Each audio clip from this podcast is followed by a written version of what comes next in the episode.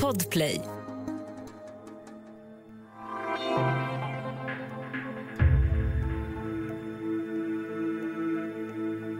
Mäta ljus från universums första galaxer. Se stjärnor dolda av rymdstoft och undersöka planeter i andra solsystem. Det är en del av informationen som James Webb-teleskopet ska samla in från sin omloppsbana runt solen. I dagens Studio DN om vad vi på jorden kan lära av världens mest avancerade teleskop. Välkommen, jag heter Ylke Holago.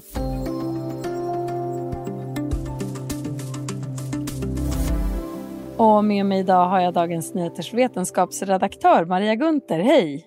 Hej! James Webb-teleskopet det väcker ju väldigt starka känslor hos många rymd och teknikintresserade. Vad är det som är så unikt med just det här projektet? Ja, men det här är ju det mest avancerade rymdteleskopet, största rymdteleskop som vi någonsin har skickats ut. Och som har hållit på så länge, man har planerat det här i 25 år och äntligen kommer det ut.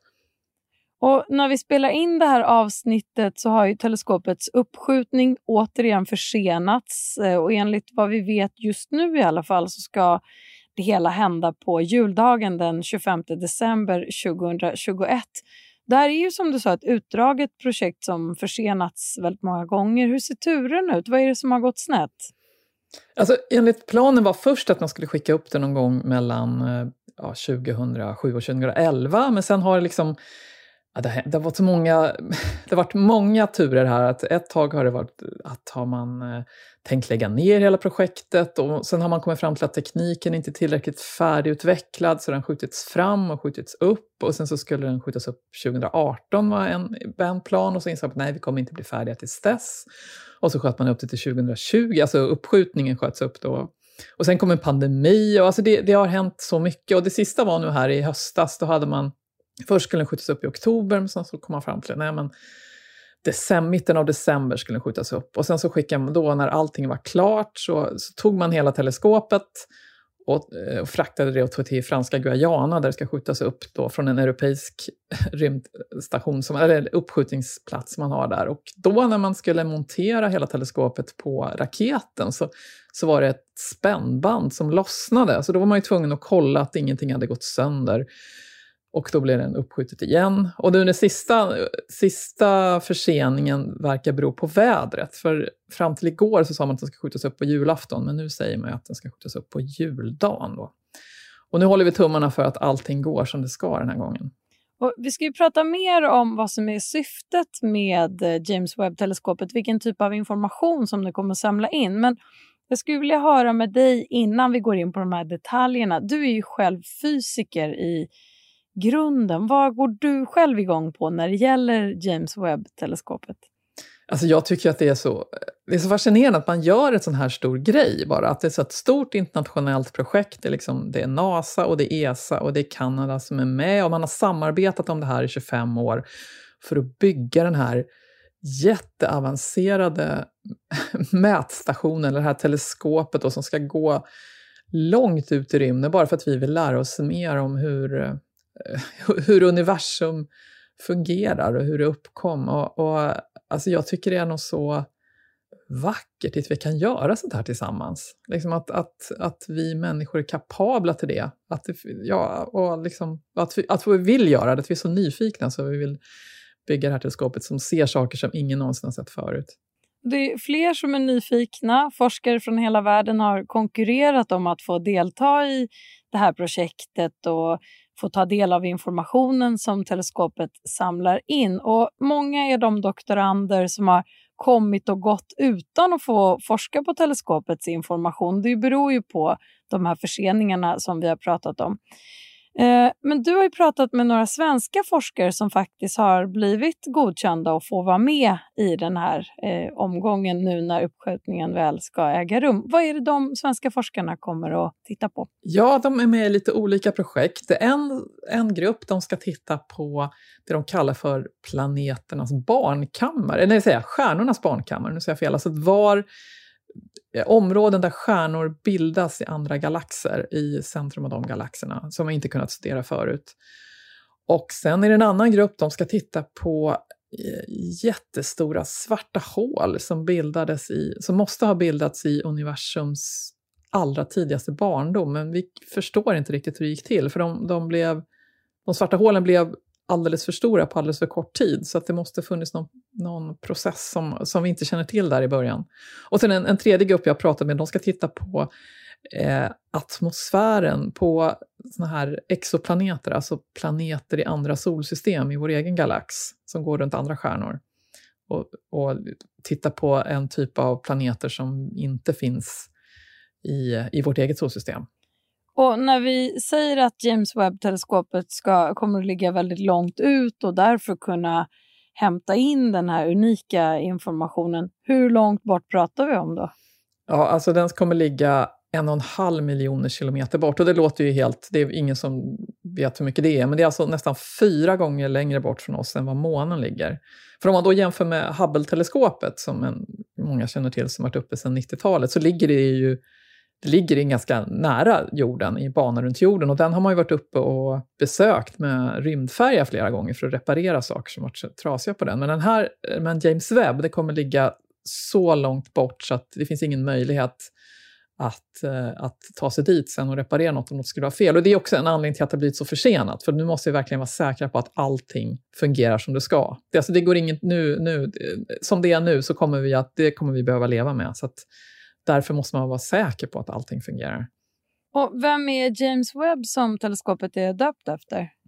Ja, James Webb han var, han var ledare för NASA, eller chef för NASA under, eh, under Apollo-projektet, alltså när, när eh, NASA åkte till månen. Och det är som hedra honom då som, de, som teleskopet har fått namnet James Webb. Det har varit lite kritik mot det, för han var...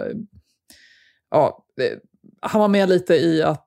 Eh, han har blivit anklagad för att han var med när, när NASA inte ville eh, ha hbtq-personer och sådär anställda. Så att, eh, det har kommit lite kritik mot namnet. Men eh, och i, i, eh, på ESA, alltså på Europeiska rymdstyrelsen, så pratar man oftast bara som webb. Man kallar den bara för webb och inte James Webb. Okej. Eh, och när då webbteleskopet skjuts upp och vi sen inte längre kommer att kunna eh, nå det för reparationer och så vidare, hur beter sig teleskopet när det väl är ute och lägger sig i sin omloppsbana? Jo, alltså det ska ha en väldigt stor spegel. En spegel har, teleskop har spegel för att liksom kunna, kunna samla in mycket ljus. Och den har en så stor spegel, alltså den är sex meter i, i diameter, så att den får inte plats in i en raket. Så hela, hela eh, teleskopet är liksom ihopvikt som så här, eh, ja, origami kan man tänka sig. Och så, så det första som ska göras när den har lämnat raketen, då ska den växlas ut. Och då hoppas vi att liksom spegeln och hela teleskopet växlas ut precis som den ska.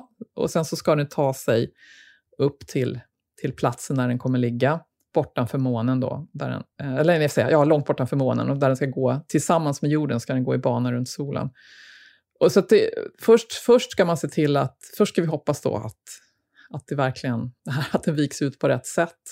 Och sen så kommer eh, astronomer och tekniker ägna ett halvår åt tester och se att allting fungerar som det ska innan man kan börja ta några mätningar. Så de kommer jobba i skift dygnet runt under ett halvår för att kolla att alla instrument fungerar och att de kommunicerar med jorden som det ska. Så det är inte förrän tidigast i sommar som de kunde, kommer börja kunna studera stjärnor och andra del, saker i universum. Men vad händer om, om något inte funkar? Speglarna vecklas inte ut som de ska till exempel. Ja. Blir det rymdskrot? då blir det rymdskrot. Och då har vi lagt jättemycket pengar på ett teleskop som inte går att använda. Det kan, det kan ju hända att det går att använda lite grann, men inte så bra som man har tänkt sig. Så vi får verkligen hoppas att, att det går som det är tänkt. Vi ska ta en kort paus och sen prata vidare om James Webb-teleskopet.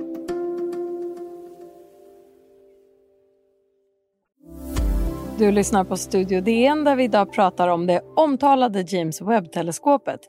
Och James Webb-teleskopet beräknas ju vara ute i fem år med chans till förlängning. Maria Gunther, vetenskapsredaktör på Dagens Nyheter. Vad kommer hända under den här femårsperioden? Ja, alltså man, i, astronomer då i hela världen då får ju ansöka om vad, vad, de vill att det ska användas till. Och hela första året så, så, har ju, så vet vi ungefär vad det ska titta på. Det ska vända sig åt olika håll och göra olika studier. Men sen för varje år så kommer det komma nya ansökningar. Så att vi vet ju inte exakt vad som kommer hända under de här fem åren. Men jag tror att de kommer att titta på mer och mer svåra saker. Alltså de, de, nu, I första omgången så tittar, de, tittar teleskopet på saker där vi vet, eller där, där, där astronomerna är säkra på att här kan vi nog få ganska bra resultat. Sen så mer såna här lite mer spektakulära grejer där man inte riktigt vet om det går att upptäcka, det kommer de nog vänta med till lite senare. Och En av de sakerna som vi vet det är att teleskopet ska mäta ljus från universums första galaxer.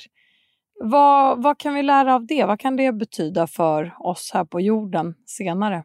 Ja, alltså det, det som är speciellt då med James Webb är att det mäter infrarött ljus. Och det infrarött ljus det är ljus som har liksom längre våglängder än, än det ljus som vi kan se. Man, kan, man brukar ofta kalla det för värmestrålning, alltså det känns som värme, vi, vi kan inte se det. Och det, som, det gör just att den kan se det här infraröda ljuset, det gör att den kan se saker som teleskop på jorden eller andra teleskop inte kan se. Och framförallt kan den se väldigt långt bak i, i tiden i universum. Eh, för att det finns ju det som man kallar för rödförskjutning. Att, alltså, universum expanderar, så att allting är på väg bort mot oss. Och det gör också att ljus från saker som ligger långt bort, det, det ser mycket rödare ut än vad det egentligen var när det skickades ut. Så att, och, eh, och det som ligger så, det blir så rött att det till slut blir infrarött, alltså så rött så att vi inte kan se det. Och därför kan man då se de allra första galaxerna. Och alltså vad, vad, vi kan lära av det? Vi kan ju lära oss hur, hur de första galaxerna bildades, hur universum fungerade i sin allra tidigaste barndom. Men kan du förklara bara enkelt hur alltså ljus och tid hänger ihop? Du sa att man kunde gå bakåt i tiden genom att titta på ljuset. Ja, just det. Det är ju så att när vi, det tar ju tid för ljus att nå oss. Så när vi tittar ut i universum så ser vi liksom bak i tiden. Alltså när vi ser ljuset från solen så ser vi inte ljuset som solen skickar ut just nu, utan det är ljuset som solen skickade ut för åtta minuter sedan. Och sen ju längre, sak, längre, längre bort saker ligger ifrån oss, desto längre, längre längre sen var det som ljuset skickades ut från dem. Så vi, vi, ser, vi kan inte se, när vi ser Andromeda-galaxen så ser vi inte hur Andromeda-galaxen ser ut nu, utan hur den såg ut när ljuset från den skickades ut, vilket var för ganska länge sedan. Och, och, och som sagt, ju längre bort vi ser i, i universum, desto äldre saker ser vi. Du nämnde tidigare här stjärnornas barnkammare och teleskopet ska ju också kunna se då stjärnor dolda av rymdstoff och hur de föds. Det låter så vackert i mina öron. Hur går det där till? Ja, det, det beror också på det här infraröda ljuset. För det här rymdstoff, det, det skymmer liksom vanligt ljus. Så att när, när Hubble-teleskopet som mest mäter synligt ljus ska titta på i, i galaxernas centrum där, där stjärnor föds så ser de bara, det är det bara svart, för de, det är bara det här stoftet skymmer allting. Men det infraröda ljuset, det tar sig igenom det här stoftet, så då kan det liksom, plötsligt kan vi se väldigt unga stjärnor, alltså när de är alldeles nyfödda, som, som vi aldrig har sett förut. För att de, sen när de växer till sig så, så äter de upp stoftet omkring sig. Då, då, kommer de liksom, då blir de synliga även för andra teleskop. Men just James Webb kan då se dem innan de har ätit upp stoftet som skymmer dem. Och vad har vi för nytta av det? Vad, vad kan vi göra av den informationen sen? Ja, vi kan göra informationen direkt. Vi, får, vi lär oss mer om universum och hur det fungerar. Alltså, alltså, sen finns det ju massa andra saker vi kan använda av det här. Alltså, alla såna här stora projekt ger oss ju andra nytt... Alltså man, man får ju utveckla ny teknik eh, för att sånt här ska fungera och den tekniken kan vi använda till annat. Men alltså annars är det alltså direkt nytta av kunskapen är ju bara att vi, eh, att vi lär oss mer om universum. Och det tycker, jag tycker att det ger väldigt mycket i sig. Och teleskopet ska ju också undersöka atmosfären på planeter i andra solsystem. Eh, vad skulle man kunna hitta genom de undersökningarna? Ja, där skulle vi kunna se om det finns liv på andra håll i universum. För det tror vi ju att det gör. Det, det, är väldigt konstigt om det bara finns liv på jorden, om det här är enda stället där det finns levande varelser. Men om man, när man, när man ser, undersöker atmosfären så kan man se vilka ämnen som finns i atmosfären. Det kan man se när ljuset från, från den stjärnan som de kommer från går genom atmosfären, så ser man, ja, finns det till exempel syre så är det ganska troligt att det finns liv på planeten, även koldioxid. Alltså så att man kan, man kan det vore ju, vi, vi, vet ju bara hur livet har uppkommit på jorden, det vore ju intressant att se om det finns liknande typer av liv eller andra typer av liv på andra planeter. Tack så mycket Maria Gunther, vetenskapsredaktör på Dagens Nyheter. Tack! Om du vill kontakta oss så går det bra att mejla till studiodn dn.se och kom ihåg att prenumerera på Studio DN där du lyssnar på poddar så missar du inga avsnitt. Studio DN görs för Podplay av producent Palmira Kokari Menga. Ljudtekniker Patrik Miesenberger, teknik Jonas Lindskov på Bauer Media och jag heter Ylke Holago.